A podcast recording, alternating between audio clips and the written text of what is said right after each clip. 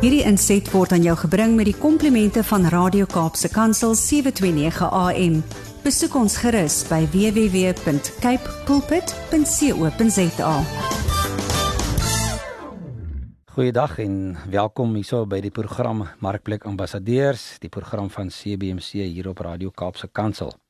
Nou vandag is 'n besonderse dag, 25 Desember.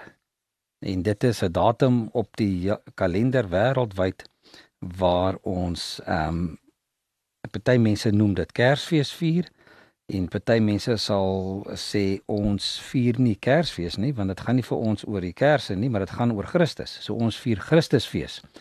So ek hoop jy noem ook vandag nie net Kersfees nie maar dat jy dit ook as 'n Christusfees sien en as 'n fees waar ehm um, dit nie net gaan oor geskenke en pakkies en geld uitgee nie maar waar dit gaan oor die groot geskenk wat vir ons gegee is en dit is die geskenk van Jesus Christus wat aarde toe gekom het wat mens geword het en wat onder ons kom woon het om ons ook te red.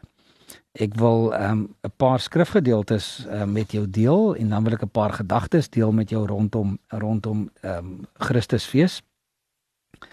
En die eerste gedeelte wat ek met jou wil lees is 'n um, ehm, is 'n profesie uit Jesaja hoofstuk 9 uit van vers 6 tot 7. 'n Kind is vir ons gebore, 'n seun is aan ons gegee. En die heerskappy is op sy skouers en hy word genoem wonderbaar raadsman, sterke God, ewige Vader, vredevors. Tot vermeerdering van die heerskappy en tot vrede sonder einde op die troon van Dawid en oor sy koninkryk om dit te bevestig en dit te versterk die reg en geregtigheid van nou af tot in ewigheid. Die ywer van die Here van die leerskare sal dit doen. Nou dis 'n bekende gedeelte wat ons baie keer met Kerstyd lees om te sê 'n kind is vir ons gebore, 'n seun is vir ons gegee, die heerskappy is op sy skouers en hy word genoem. En dan is daar vyf name wat wat God genoem word of wat Jesus genoem word. Ehm um, God wat mens geword het en dit is wonderbaar raadsman sterke God ewige Vader en vredevors. En net op hierdie skrifgedeelte wil ek net vir jou vra ehm um, is Christus vir jou wonderbaar? Is hy jou raadsman? Is hy vir jou die sterke God? Is hy vir jou die ewige Vader en is hy vir jou die vredevors? Want as jy kan ja antwoord hierop, dan het Kersfees of Christusfees ook in jou hart gebeur dan het dit in jou plaasgevind want dan aanvaar jy en verstaan jy die koms van hom aarde toe. Ehm um, die feit dat hy in Bethlehem gebore is in 'n sondige wêreld 2000 jaar terug. Ehm um, is dan nie maar net meer 'n babietjie in die krib nie. Maar jy verstaan dan dat jy hierdie groot geskenk ontvang het. Ehm um, baie mense gaan waarskynlik vandag of het dalk al gisteraand geskenke oopgemaak wat in mooi papier toegedraai is en tog so baie geld word spandeer aan geskenkpapier om dit mooi te laat lyk. En en hier is Jesus gebore in 'n krib en hy is in doeke toegedraai. Ehm um, nie eers mooi verpak nie. Hy's daar in 'n krib tussen die strooi waar die donkies en die koeie moes eet. Is hy gebore ehm um, in 'n stal en ehm um, in doeke toegedraai. Ehm um, om die koning van die wêreld te wees. En ehm um, wat so opwindend is van die hele storie is ons het as kinders het ons het ons kon ons nie raai of, of vinnig genoeg ons geskenke in ons pakkies oopmaak nie.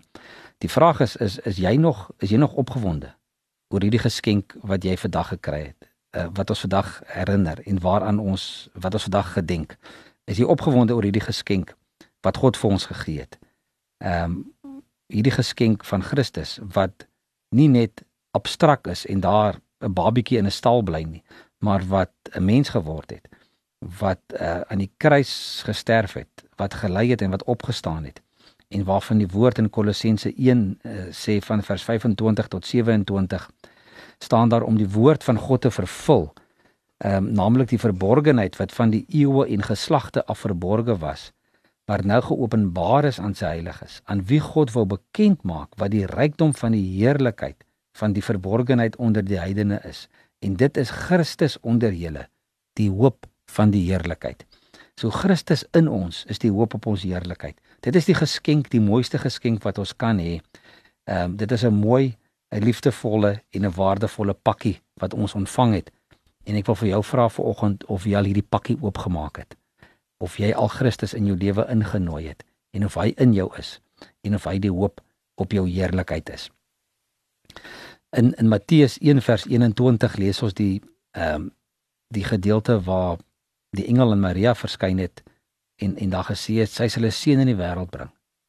En hy moet Jesus genoem word want dit is hy wat die volk uh van hulle sonde sal verlos. So 2000 jaar terug was daar 'n jong moeder, Maria wat in opgewondenheid gewag het en in afwagting gewag het vir die geboorte van haar van haar baba. Maar die res van die volk was nie so opgewonde daaroor nie. Daar was nie eers 'n plek vir hom in 'n in 'n hotel of in 'n bed and breakfast of in 'n Airbnb nie. Nee, hy moes maar in 'n stal gebore word. En die vraag is wanneer ons vandag aan Jesus dink, gee ons vir hom die afskeep. Gee ons vir hom wil ek amper sê plek in die buitekamer in ons lewe of gee ons hom die ereplek in ons lewe, die ereposisie sodat hy ook in ons lewens kan wees en ons van ons sondes uh, kan verlos. Um, 'n Mens kan nie regtig praat van 'n Christusfees as jy hom nie in jou lewe het nie. Dan sê jy maar 'n Kersfees moet vier en maar kersies moet aansteek. Ehm uh, maar ek wil jou uitdaag vandag om om bietjie erns te maak en te gaan lees uh, presies waaroor gaan hierdie dag. Presies waaroor gaan hierdie seisoen waarin ons is. En ehm um, ek het eendag so tydjie terug in Engels het iemand gesê uh hulle almal praat van 'n feesseisoen en dis festive season en en toe sê die persoon maar weet jy Christ he is the real reason for the season. So Christus is die rede vir hierdie seisoen waarin ons is. Dit is um, God wat sy seun gestuur het. En um, as ons Christus wil vereer vir wie hy is dan sal ons ook ons vertroue in sy geboorte sy dood en sy opstanding moet plaas. Ehm um, die wêreld kan planne maak en hulle kan baie dinge bedink, maar die heel beste en die enigste manier om om Christus se geboorte te vier en om te wys dat jy dit glo, is om hom aan te neem as jou saligmaker en jou verlosser.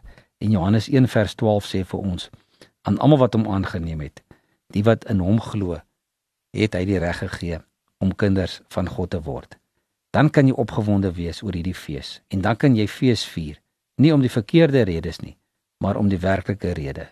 Kan jy hierdie fees vier want die rede vir hierdie fees is Jesus Christus. Ons het net nog gelees uit Jesaja 9 en ek wil net weer lees daar sy heerskappy sal uitbrei en hy sal vir altyd vrede en voorspoed bring.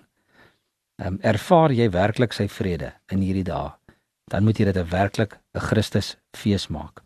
Ek wil vir jou sê Johannes 1 vers 14 sê vir ons verder dat die woord het mens geword en onder ons kom woon.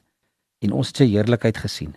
Die heerlikheid wat hy as die enigste seun van die Vader het, vol genade en waarheid. En op hierdie oomblik wil ek vir jou sê 'n geseënde Christusfees vir jou. Mag die geboorte van Jesus, die Immanuel, God met ons, vir jou 'n werklikheid wees. Terwyl ons saam met ander kinders van God poog om in regte opregte aanbidding hierdie geboortedag van hom te herdenk. Ja, ons weet dis waarskynlik nie die datum waarop Jesus gebore is nie, maar ons vier dit ehm um, sodat uh, ons nog steeds dit elke jaar kan herdenk dat Christus aarde toe gekom het. Hy het mens geword met 'n goddelike doel. Hy het gekom om sondeloos te kom lewe. Om aan die kruis te kom sterf en om opgewek te word um, as teken van sy offer um, wat hy vir ons kom gee het en as teken ook dat ons ook eendag kan opstaan. Ehm um, maar ongelukkig is daar baie mense wat hom slegs as die baba aanbid, die baba van Kersfees en hom nie aanbid as die opgestane Here nie. En ek wil vandag sommer vir jou vra, wie is Jesus vir jou? Is hy net die baba in die krib? Erken jy hom net op 'n Kersdag en en en en uh, is dit die enigste dag wat jy miskien by 'n kerk uitkom en bietjie oor hom dink en dan vier jy hom en jy ken hom as 'n baba in 'n krib of of erken jy hom as die verlosser wat gelei het, wat gekruisig is, wat opgestaan het en wat die heerser is. Ehm um, ons het begin deur te lees uit Jesaja 9 van al sy sy name van raadsman, sterke God, ewige Vader, vredevors. Is dit wie hy vir jou is? Of is hy maar net vir jou 'n babietjie wat in 'n krib lê? Ehm um, Die vraag is of jy die dieper bes, vers, uh, betekenis van Kersfees verstaan. En of dit vir jou ook maar net gaan oor die oor die pret en die plesier. Ek meen 'n mens sien net die laaste maand of twee liggies in die winkels en dis geld wat uitgegee word en mense gaan te kere asof daar nie 'n môre is nie. Maar in die tussentyd, ons as gelowiges moet weet dat die verlossing en die gawe van die ewige lewe uh, ons van hom ontvang het en dat ons sy belofte het dat hy weer sal terugkom as die koning van die konings. Kom ons aanbid die baba Christus. Nee, kom ons aanbid die Christus wat 'n baba was, wat nou die oorwinnaar is, wat God met ons is, Immanuel. Ons word so voorgeskryf deur die deur die kommersiële wêreld dat ons oor Kersfees moet geld uitgee en geskenke moet gee en geskenke moet ontvang. Dan gaan dit lankal nie meer oor Christus nie, maar oor feesvieringe en oor geld uitgee en dit raak materialisties. Die geboorte van van Christus word net 'n storieetjie. Ehm um, iets wat ons vir die kinders lees en wat ons vir hulle vertel, maar ons maak nie genoeg erns daarmee nie. Sy liefde het hom gedwing om mens te word, om as baba gebore te word sodat God met ons kan wees.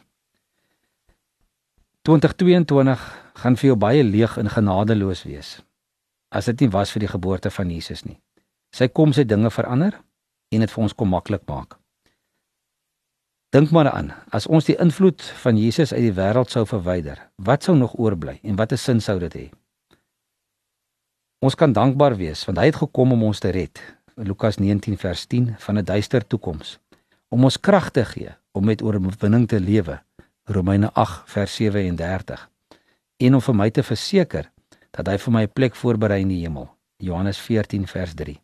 En dat hy weer kom om met liefde en gesag te regeer volgens Openbaring 11 vers 15.